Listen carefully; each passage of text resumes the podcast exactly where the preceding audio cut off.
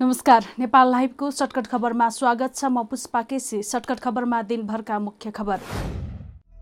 लुम्बिनी प्रदेश सरकारको नीति तथा कार्यक्रम असफल बनाउने विपक्षी दलहरूको रणनीति असफल। सरकारले पेश गरेको नीति तथा कार्यक्रम बहुमतले पारे। जसपाको नामबाट पृथ्वी सुब्बा गुरुङलाई गरिएको हस्ताक्षर फर्जी भएको जसपाको दावी। भविष्यमा यस्ता फर्जी र जालसाजी पूर्ण कार्य नगर्न चेतावनी। पूर्व मुख्यमन्त्रीलाई सेवा सुविधा उपलब्ध गराउने गण्डकी प्रदेश सरकारको निर्णय बजेटपछि मात्रै नीति तथा कार्यक्रम ल्याइने।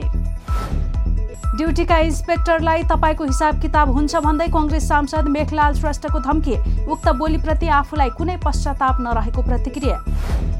गठबन्धन सरकारको आयु लामो नहुने गण्डकी प्रदेशको मुख्यमन्त्रीबाट बाहिरिएका पृथ्वी सुब्बा गुरुङको ठोकुवा केन्द्रको दबावको आधारमा आफू बाहिरिन नपरेको तर्क।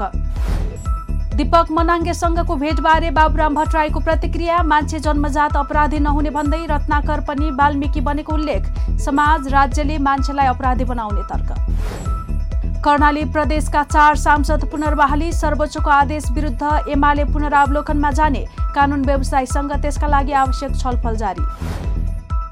खोपको व्यवस्था नगरेसम्म पेट्रोलियम पदार्थको ढुवानी रोक्ने ट्याङ्कर चालक सङ्घको घोषणा खोपको विशेष व्यवस्था गरी कार्य सञ्चालन गराउन आग्रह।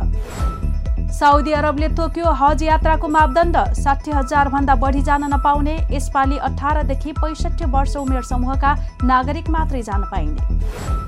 र खेलकै क्रममा चेत भएर मैदानमा ढलेका डेनमार्कका मिडफिल्डर क्रिस्टियन एरिक्सन खतरामुक्त। स्वास्थ्य अवस्था स्थिर रहेको डेनिस फुटबल फेडरेसनले दियो जानकारी। नेपाल लाइभको सर्टकट खबरमा दिनभरका मुख्य खबर आजलाई यति नै। नमस्कार।